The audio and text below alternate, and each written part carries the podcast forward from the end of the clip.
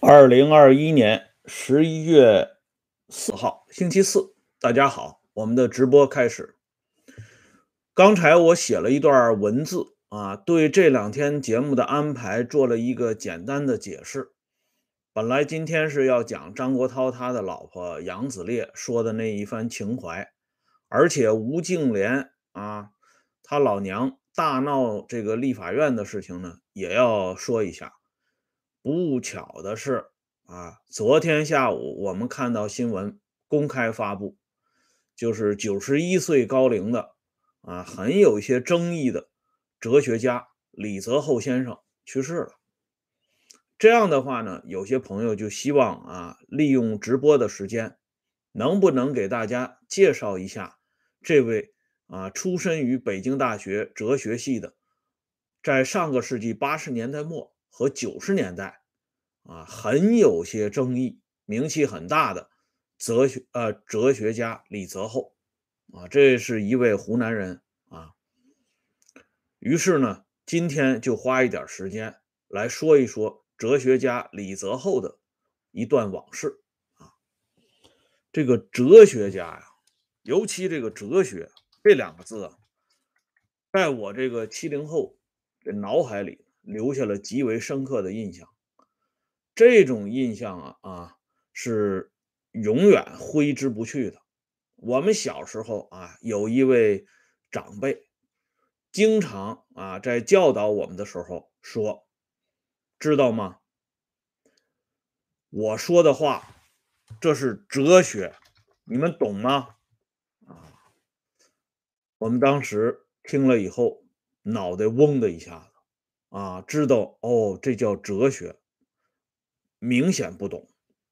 后来我们上了大学以后，发现有一位教授啊，这个教授的姓也很怪啊。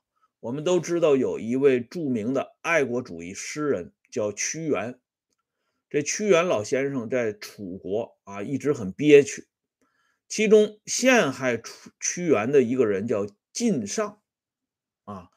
我们这教授呢，他就姓晋，这个晋教授。啊，这个人呢，给我们这些青年学生的感觉，就是这个人鬼鬼祟祟的，啊，所以大家对他呢，就有一点看法，尤其是他经常出没的那个地地方啊，就是他是这个我们大学里这个马列教研室的，哎，把这个马列教研室呢，和他的这种鬼鬼祟祟的样子联系到一起以后呢。大家觉得这靳教授啊，呃，就是说大家背后议论呢，对他不是特别客气。就在这个时候呢，我们的辅导员啊，资深的这个政治思想教育工作者啊，就跟我们说：“我告诉你们，你们这帮小年轻啊，别瞧不起靳教授。你们知道靳教授是什么来头吗？大家不知道啊。”他说：“我告诉你，他是北京大学哲学系出来的，啊，曾经与陈伯达、艾思奇坐在一起讨论哲学问题。大家一听啊，脑袋集体的嗡了一下啊！北京大学哲学系啊，哲学家，这就明白了。”所以以后我们再次看到这位靳教授啊不三不四的样子的时候，都肃然起敬。啊，一个哲学家，一个北京大学哲学系，因此呢，啊，就让我们记了好多年好多年。那么现在呢，正好又碰到一位著名的哲学家，偏偏又是一位出身于北京大学哲学系的。九十一岁的李泽厚先生，所以呢，我们就来聊一聊李先生啊，这位哲学家，他有哪些神奇的往事？我们先来说一个啊事情，要不怎么说哲学家，特别是出身于北京大学哲学系的人，非常有学问，就在这里啊。这里呢，我给大家展示一本书，这本书的名字叫《师友记事》。作者呢是在上个世纪曾经担任过中国社会科学院啊文学研究所所长的刘在富啊。刘在富与李泽厚他们算是交往很深的这个朋友啊，所以呢，刘在富在这本书里边有大段的回忆李泽厚的故事。啊，今天引用的很多内容呢，都来自于刘在富先生的两本书。啊，这里呢，我们先把出处告诉大家。啊，一个是这个《诗友记事》，一个是《两度人生》，刘在富的自述。啊，还有一本呢，是跟刘少奇有关的，刘少奇的子女还有他身边工作人员写的一本回忆录。叫《实话实说福禄居》啊，还有一本呢，是跟李泽厚、刘在富都有关系的一位老人，叫胡绳。他在《百年潮》这本杂志创刊上的一个重要发言，来自于《百年潮》一九九七年核定本啊。一讲到重要人物，都要引用核定本。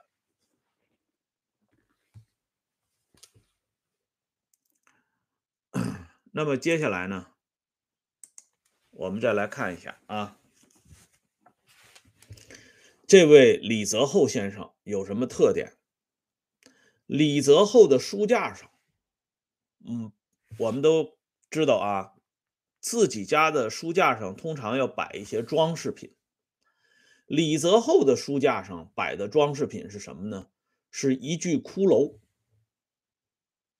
特别有特点的骷髅。啊，就摆在这个书架上，所以看到这个景象的人都有点吃惊，谁也不知道为什么。啊，李泽厚先生这学问这么深厚的人，他的书架上要摆这么一架骷髅。刘在富呢对此做过一个解释，他说：“这个李泽厚啊，最欣赏啊，最认可的。”一位哲学家叫海德格尔，这个名字啊，对于很多年轻的朋友来讲是非常陌生的。但是这个人呢，却是大名鼎鼎的。据说啊，这个人是二十世纪世界上非常有名、顶尖级的哲学家之一。同时呢，这个人啊，大家知道啊，这个人是被毛泽东非常看重的人物，这就是为什么今天会出现有关刘少奇的一个记忆。一九六七年一月十三号，毛泽东的秘书，就是机要秘书徐业夫，在晚上的时候给刘少奇打电话，告诉刘少奇，啊。他会到刘少奇的住处，把刘少奇啊接到人民大会堂，因为毛泽东要同刘少奇谈话。大家都知道啊，这个经历了一年多的文化大革命，刘少奇已经被搞得灰头土脸、身心俱疲呀，啊，所以他接到这个电话之后呢，赶紧。啊，随着这个徐业夫来到人民大会堂，这是毛泽东与刘少奇平生最后一次见面。毛泽东对刘少奇提出的若干要求不知可否，只是啊，告诉刘少奇呢，去读几本书。啊，走到门口的时候，毛泽东把刘少奇啊双手握住，说了一句话：“好好学习。”保重身体，这是毛泽东留给他的曾经的战友和盟友最后的一段嘱咐。毛泽东给刘少奇开出三本书，第一本呢是中国古代的啊一个经典作品，叫《淮南子》啊，还有一本呢是德国人狄德罗写的《机械人》，再一本就是海德格尔的。机械唯物主义这刘少奇自认为啊，伟大领袖能够让他好好学习，保重身体，这是给他留一条活路。所以回到自己的住处以后，告诉身边的工作人员，务必把主席嘱托的这三本书给我找到，我一定按照主席的要求好好学习。结果呢，这些秘书啊、工作人员就去找，找来找去，只找到一本，就是《淮南子》，剩下这两本书说什么也找不到。这个时候呢？刘少奇啊，略微醒悟了一点刘少奇说：“可能书名不对。”这个片段呢，就让我们记住了这个海德格尔。应该说呢，刘少奇的这个醒悟啊，还是准确的。海德格尔。这个人确实没写过一本叫《机械唯物主义》的书，狄德罗呢也没写过一本叫《机械人》的书。我们都知道，咱们的伟大领袖和革命导师，那是绝对的哲学家啊。这个苏联派驻中国啊，新中国第一任大使尤金，他就是斯大林千挑万选出来的著名的苏联的哲学家。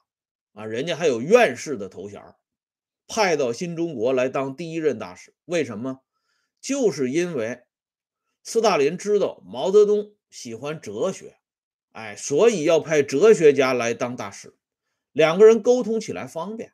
哎，经常谈什么否定之否定啊这类哲学的这个重要命题，一般人听不懂。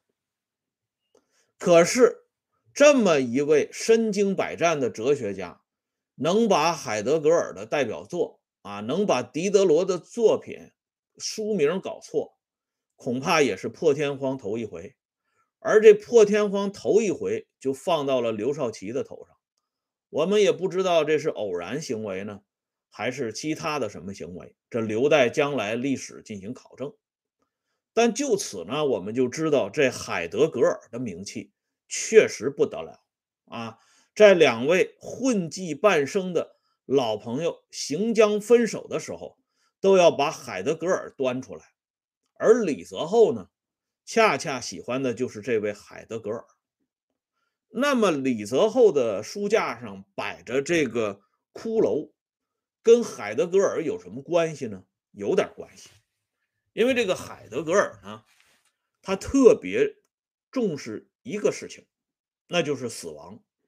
他认为人这辈子有很多的不确定性，但唯独死亡是最确定的。不管是选择什么样的方式，人最后都避免不了死亡。这一点呢，跟咱们这个儒家学派的老祖宗孔夫子的观点呢，有点不太一样。孔夫子强调的是未知生。焉知死啊？但是海德格尔认为呢，死亡是首先确定的，剩下的慢慢研究吧。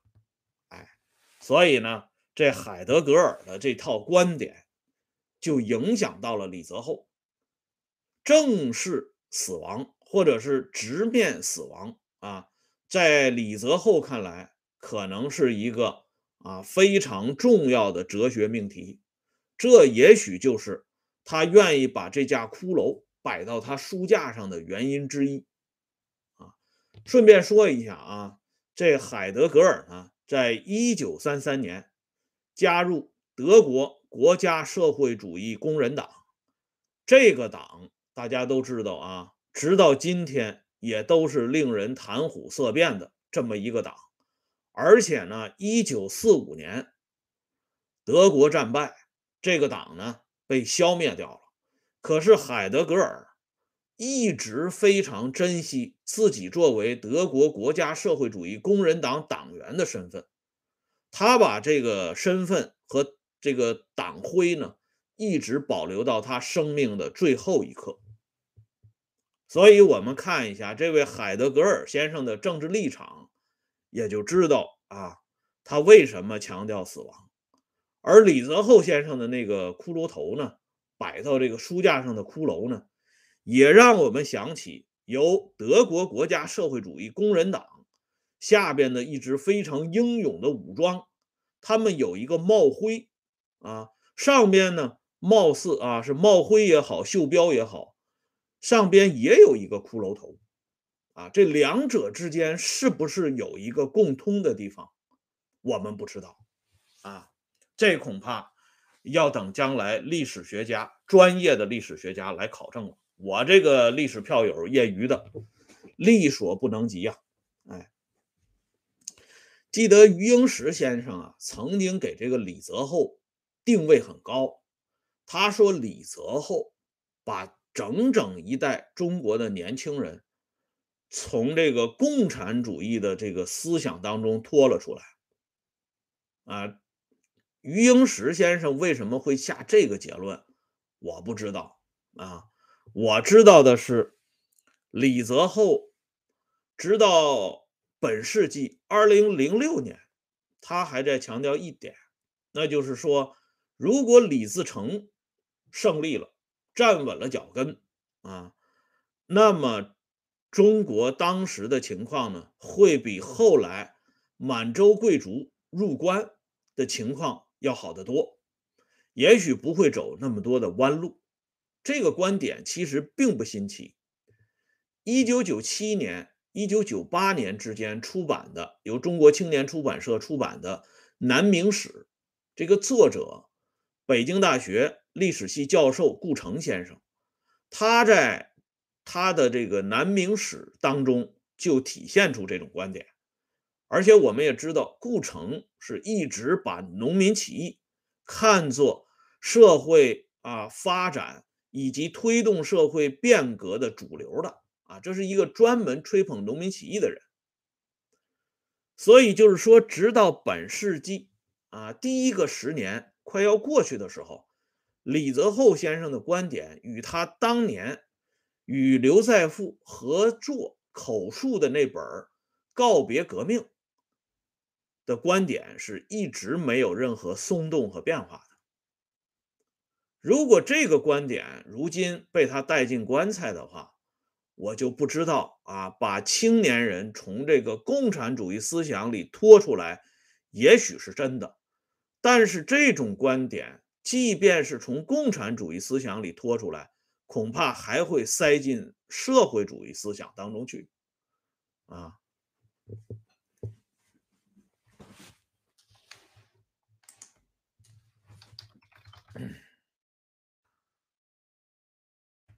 嗯，刚才有个朋友说这个顾城教授啊，是北京师范大学的啊。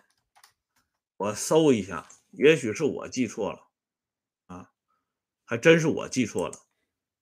好，感谢咱们这位朋友提醒啊，纠正一下，顾城啊是北京师范大学的。不过你那个“城”字呢，我也给你纠正一下，顾城的“城”是诚实的“诚”。而城市的城呢？那个顾城是一位诗人啊，咱们俩都互相纠错一下，很好啊，很和谐。那么李泽厚的其他的往事呢？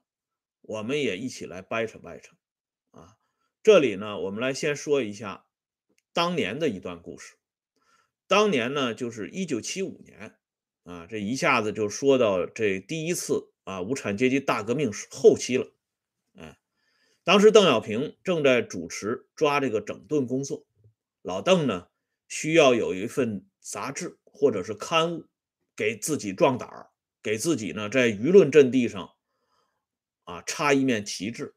这个时候呢，他们就搞了一个杂志，叫《思想战线》。这个《思想战线》呢是委托胡乔木、胡绳他们两个人来搞。这个《思想战线》搞起来以后呢。他要约稿啊，像什么样的人约稿呢？这个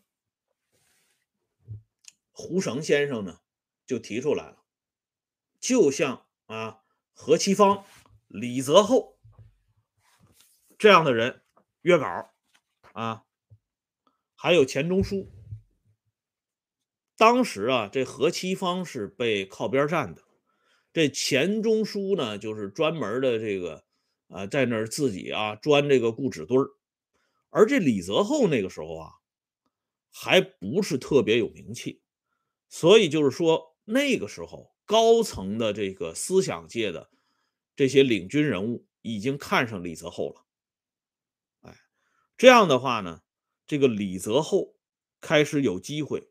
哎，接触这个高层的高层的思想战线，后来呢，啊，李泽厚就进入到中国社会科学院。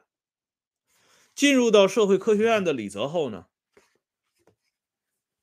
申请入党，啊，要求加入咱们伟大的这个党，但是这个申请呢没有被批准，因为那个年代啊，公元一九七八年、一九七九年的时候。啊，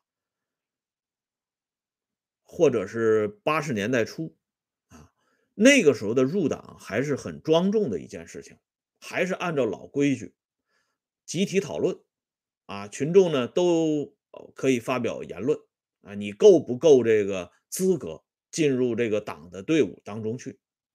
结果一讨论呢，有些群众就认为李泽厚不够资格，这原因很简单，因为。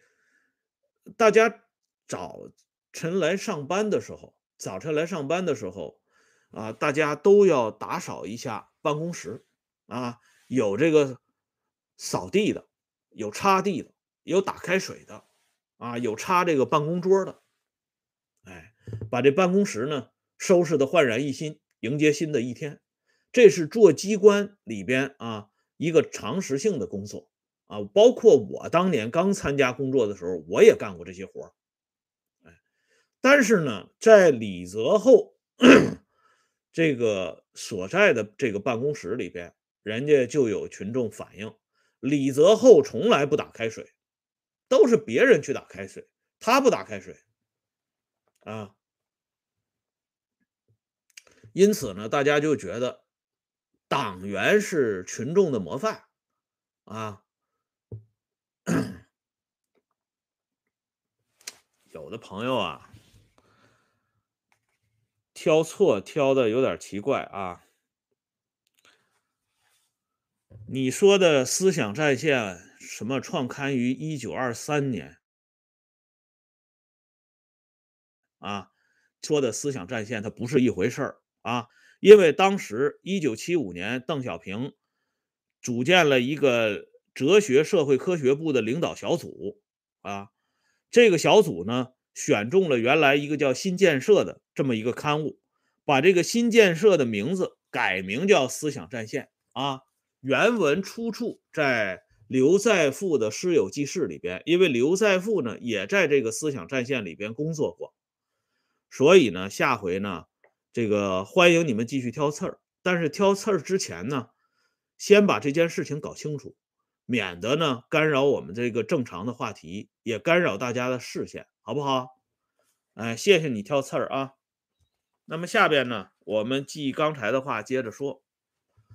这个李泽厚呢没有入成党，这样呢，这个刘在富把这件事情偶然之间说给了后来担任中国社会科学院院长的胡绳。胡绳听完以后呢，哎，胡绳还说了一段话啊，就表示惋惜。胡绳说：“不让李泽厚入党是不对的，李泽厚至少不走歪门邪道嘛。所以后来在胡绳的推举下，李泽厚尽管没有入党，却当上了全国人大代表。啊，这个级别呀、待遇呀也不低。啊，到了上个世纪八十年代末，李泽厚因为震惊中外的那场著名的事件。”与当局呢渐行渐远，九十年代初呢，他就离开中国了，啊，大概呢是一九九二年，九三年还回过啊回去过一次，而他的这个晚年的代表作之一的《告别革命》，正是在这个时间段里产生的，啊，因为据这个作者之一的刘在富啊，他后来回忆，他说为什么会出现这个告告告别革命这段谈话呢？的对话，就是因为那个时候李泽厚也是刚刚去国不久，这个满脑子呢还都有中国的这些事情。而刘在富那个时候也是由于对八十年代末的那场啊风波表示不满，他就认为啊，咱们中国应该把多数时间精力抓这个经济建设和和平发展，而不应该呢卷到政治的是非里边去。因此，这两个人呢一拍即合，就推出了这个告别革命这个对话。可是这个告别革命这个对话推出来以后呢，引起了各方的这个反响。用刘在富自己的话说，他说这个东西搞出来是两边不讨好，左边的人肯定是骂你，因为你要告别革命；右边的人呢也骂你，认为你藕断丝连。所以这个告别革命继承了这个李泽厚晚年的。这个扛啊，这个不能念扛啊，应该念钢鼎之作啊。这个也是呢，至今大家一说起李泽厚就能够提到的这告别革命，就值得我们来重点关注一下。那么这次呢，这个现在呢，这个时间啊，呃，差不多了。那这一期呢，我们就先讲到这里。啊，大家不要误以为我要挖坑啊！过十五分钟之后，第二次直播回来，我们今天一定要把李泽厚这个话题说完啊，不能留遗憾。所以呢，先感谢咱们这个朋友的打赏支持啊，点赞、收看和收听，欢迎大家关注温相说时政啊，经常有更新。一会儿回来啊。我们继续讲这个李泽厚，因为还有好几段他的生活上的往事呢，没给大家交代清楚。好，我们待会儿见。